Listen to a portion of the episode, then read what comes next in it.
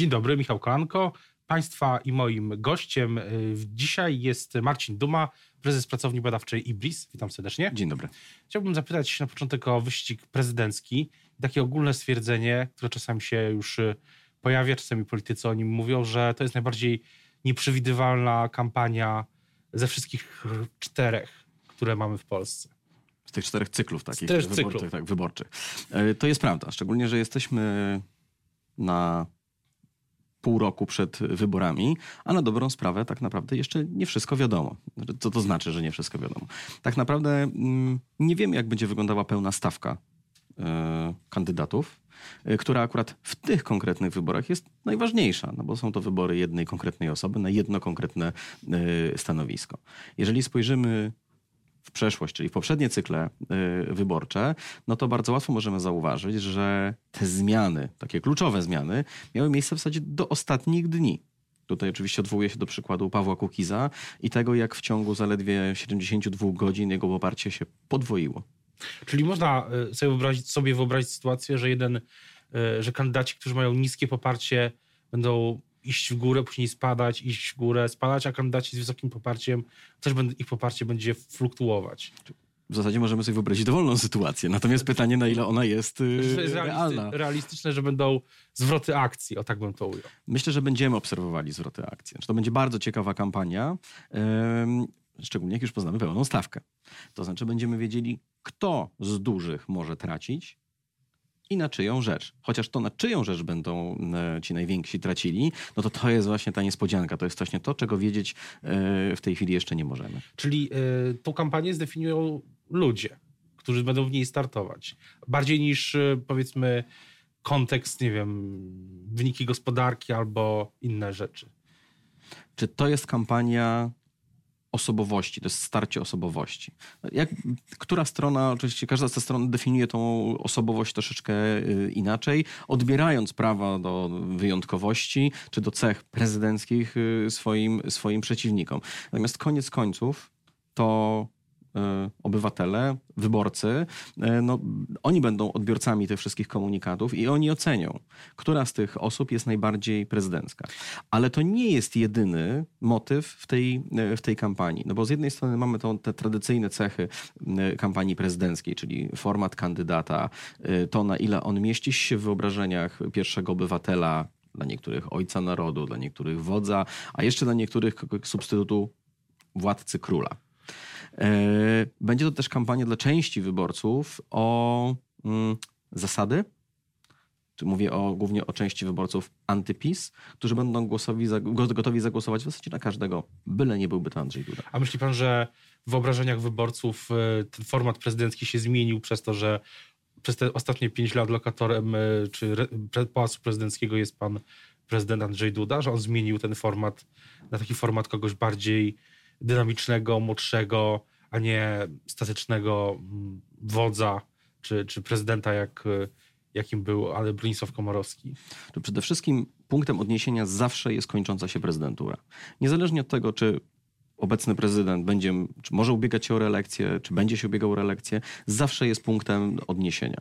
W związku z czym to, co obserwujemy, e, przeniesienie ciężaru e, debaty na sądy, czyli coś, co teoretycznie z punktu widzenia obecnego e, prezydenta stanowi pewną piętę achillesową, e, no bo nie bez przyczyny obserwujemy jakby tak duży nakład sił e, środowisk opozycyjnych w tym, w tym kierunku. Jeżeli mówimy o e, młodości, o dynamice, e, ja myślę, że Andrzejów Dudów jest więcej niż jeden.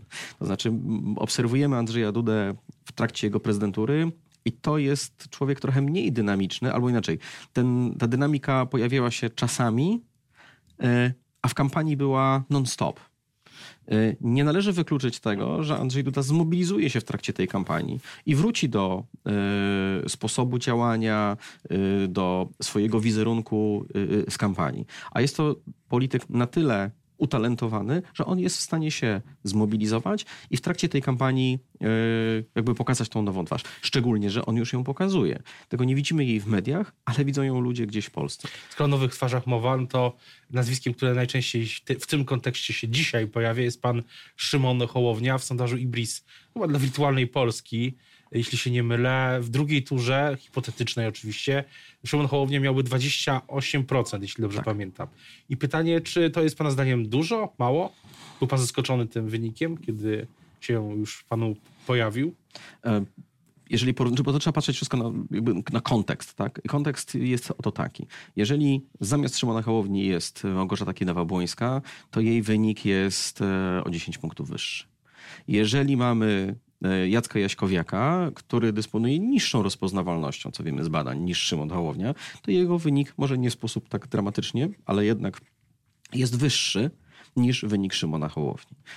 Każdy kandydat spoza PiSu, który będzie akceptowalny dla antypisu, ma szansę na y, znaczące poparcie w takim badaniu dotyczącym y, drugiej tury. Inaczej rzecz się ma, kiedy spojrzymy na wyniki y, takiego kandydata, jakim jest Szymon Hołownia, w pierwszej turze.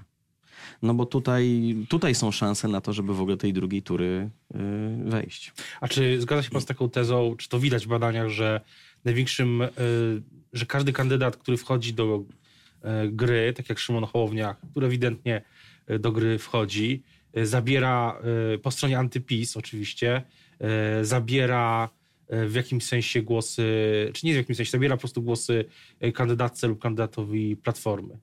E, w przypadku Szymona Hołowni, to, to, to, ponieważ to poparcie jest niewielkie, a kampania jeszcze raczkuje, nie raczkuje dlatego, że politycy nic nie robią, tylko dlatego, że obywatele e, jeszcze nie są w tym trybie kampanijnym. Oni tak sobie jednym okiem obserwują to, co się dzieje. E, więc jeżeli patrzymy sobie na taki wariant, kiedy jest Szymon Hołownia i kiedy nie ma Szymona Hołowni i popatrzymy sobie na to, kto w tych dwóch wariantach jak głosuje, czyli skąd się rekrutują ci ludzie, którzy, którzy chcą zagłosować na Szymona Hołownię, to najbardziej obawiać się powinien Władysław Kosiniak-Kamysz. Nie kandydat Platformy Obywatelskiej, kimkolwiek on będzie. A czy y, spoglądając na inny obszar, inną, inny e, fragment sceny politycznej, na lewicę, dzisiaj z Zuzaną Dąbrowską piszemy o lewicy Rzeczpospolitej, że lewica czeka na w jakimś sensie decyzję e, Platformy i później podejmie, podejmie swoją, ma do wyboru albo wariant, w którym jeden z tych trzech tenorów startuje, czyli albo e, Adrian Zandberg, albo Robert Biedroń, albo ktoś spoza tej dwójki, e, być może, być może kobieta, to czy, czy wejście do gry, na przykład czy, czy Adrian Zandberg byłby w stanie taki impet, który teraz chyba ma, dowieść do maja? Lewica stoi przed bardzo trudnym wyborem. Z jednej strony no, ma tą trójkę liderów, w której w tej chwili w zasadzie tylko jeden miałby szansę na taki hmm, godny wynik. Yy, I mówimy oczywiście o Adrianie Zandbergu. No bo on jest w uderzeniu, yy, on ma yy, świetną prasę. Zresztą mam wrażenie, że taki klimat wiecowy to jest coś, co bardziej odpowiada Adrianowi y, y, Zandbergowi y, niż wychodzi Robertowi Biedroniowi. Natomiast Włodzimierz Czarzasty jest politykiem gabinetowym, świetnie sobie w tym daje radę. Natomiast to jest taki trochę odpowiednik Grzegorza Schetyny. To jest ten, który stoi tam w drugim szeregu i tam rozdaje karty i tam organizuje politykę. Dlaczego to jest trudny, trudny wybór dla lewicy? Ano dlatego, że od tego wyboru tego kandydata będzie zależał wynik lewicy w wyborach prezydenckich. Nie będzie mówił, że to jest wynik kandydata. To będzie rozliczone wewnętrznie.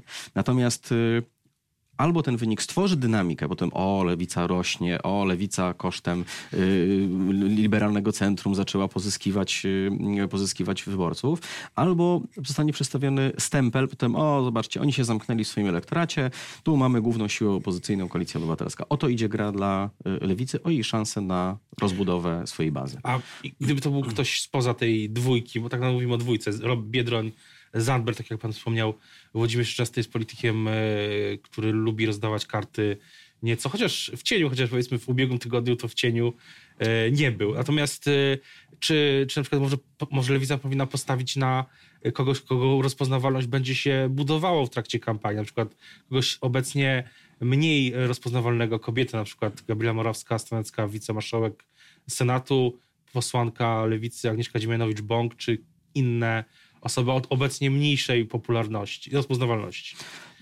Mam pewien problem z wystawieniem przez lewicę kandydatki. Bo ona będzie musiała na początku, nieważne kto to będzie, będzie musiała się bronić y, przed porównaniami do Magdaleny Ogórek, szczególnie jeśli to będzie ktoś z młodszego pokolenia. I nie o to chodzi, że ona będzie podobna do Magdaleny, Ogórek, natomiast y, to jest tak, że po drugiej stronie mm, mamy też rywali, który, którzy będą wykorzystywali słabe punkty, y, słabe punkty lewicy po to, żeby tych wyborców odebrać. Czy możemy sobie pozwolić na wystawienie, będąc lewicą, kogoś takiego jak, nie wiem, no, ktoś mniej znany, tak? Ktoś jest nie, niewypromowany. No, mamy 7 miesięcy do, do wyborów, mamy pół roku do wyborów. Jeśli odejmiemy święta i ferie, to okazuje się, że tego czasu jest dramatycznie mało. Jest go stanowczo za mało na to, żeby wypromować zupełnie nowego y, kandydata. W związku z tym, będąc lewicą, należałoby postawić na y, kogoś, kto już pewną rozpoznawalność y, ma, komu nie trzeba, kogo nie trzeba będzie tłumaczyć, że on istnieje, zajmuje się tym i tym, wygląda tak i tak. Ale z drugiej strony jest też, e, oraz jeśli chodzi o rozpoznawalność, sam pan e, też e, wspomniał, że na przykład Jacek Jaśkowiak, jeden z potencjalnych kandydatów Platformy, ma relatywnie niską rozpoznawalność, mimo tego, że jest prezydentem dużego miasta od 2014 roku, jeśli się nie mylę, i jest dużo mniej rozpoznawalny niż jego kontrkandydatka. Czy to jest ten sam dylemat, który, przed którym stoi E, stoją delegaci w tych, tej, na tej konwencji Platformy, że będziemy musieli tłumaczyć, przedstawiać e, Jaśkowiaka, nie mamy na to czasu, wybierzmy kogoś, kto już jest znany. Ja mam wrażenie, że takie mm, prawybory dokonywane przez ciała statutowe e, kierują się troszeczkę inną dynamiką i inną logiką. Czy kierują się dynamiką i logiką wewnątrzpartyjną. E, co to znaczy? To znaczy, że to będą wybory, które będą w jakiś sposób kształtowały układ sił e, w platformie i w pewien sposób również abstrahowały tak naprawdę od szans e, prezydenckich, bo ważniejsze będzie inne pole.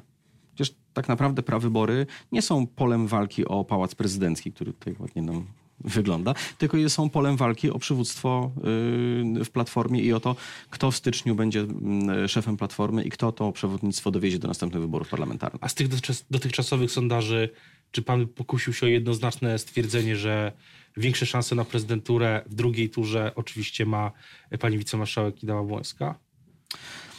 Wydaje mi się, że jeżeli Jacek Jaśkowiak wszedłby do drugiej tury, to jego szanse abstrahuję teraz od wszystkich wywiadów, y, ewentualnych potknięć w kampanii albo szans kampanii. Y, mówimy tylko i wyłącznie o takich jak gołych y, kandydaturach, tak? Może, może nie lepsze słowa, ale takich... Surowych. Surow, o, surowych, surowych znacznie lepiej.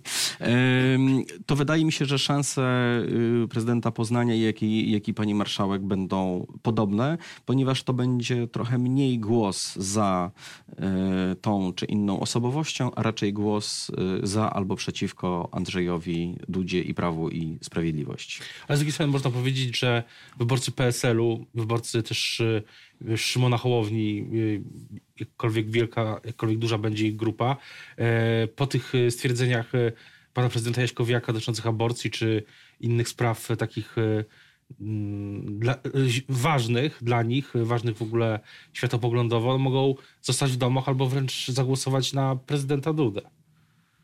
Mm,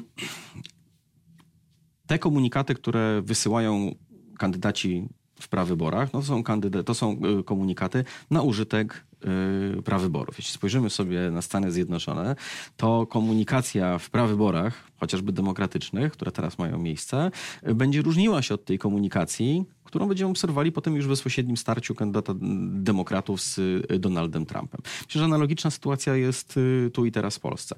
Jacek Jaśkowiak jakkolwiek elegancko nie chciałby tej, tej rywalizacji prowadzić, no to on musi swoją, y, swoją pozycję jakoś zaznaczyć. Mając świadomość, że partia nie może wybrać kogoś, kto będzie radykalnie lewicowy.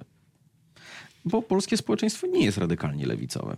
Jest raczej konserwatywno-centrowe. I prezentowanie takiej właśnie postawy być może według jego sztabowców zbliża go do, do tego, żeby, okazać, żeby on okazał się tym kandydatem y, bardziej atrakcyjnym z punktu widzenia y, partii, która ma go nominować. Być może coś więcej dowiemy się o tych prawyborach, nazwijmy je y, procesie nominacyjnym, przepraszam. Tak. 7 grudnia w sobotę ma być debata, prezentacja w Platformie. 14 grudnia E, konwencja wybierze kandydata lub kandydatkę.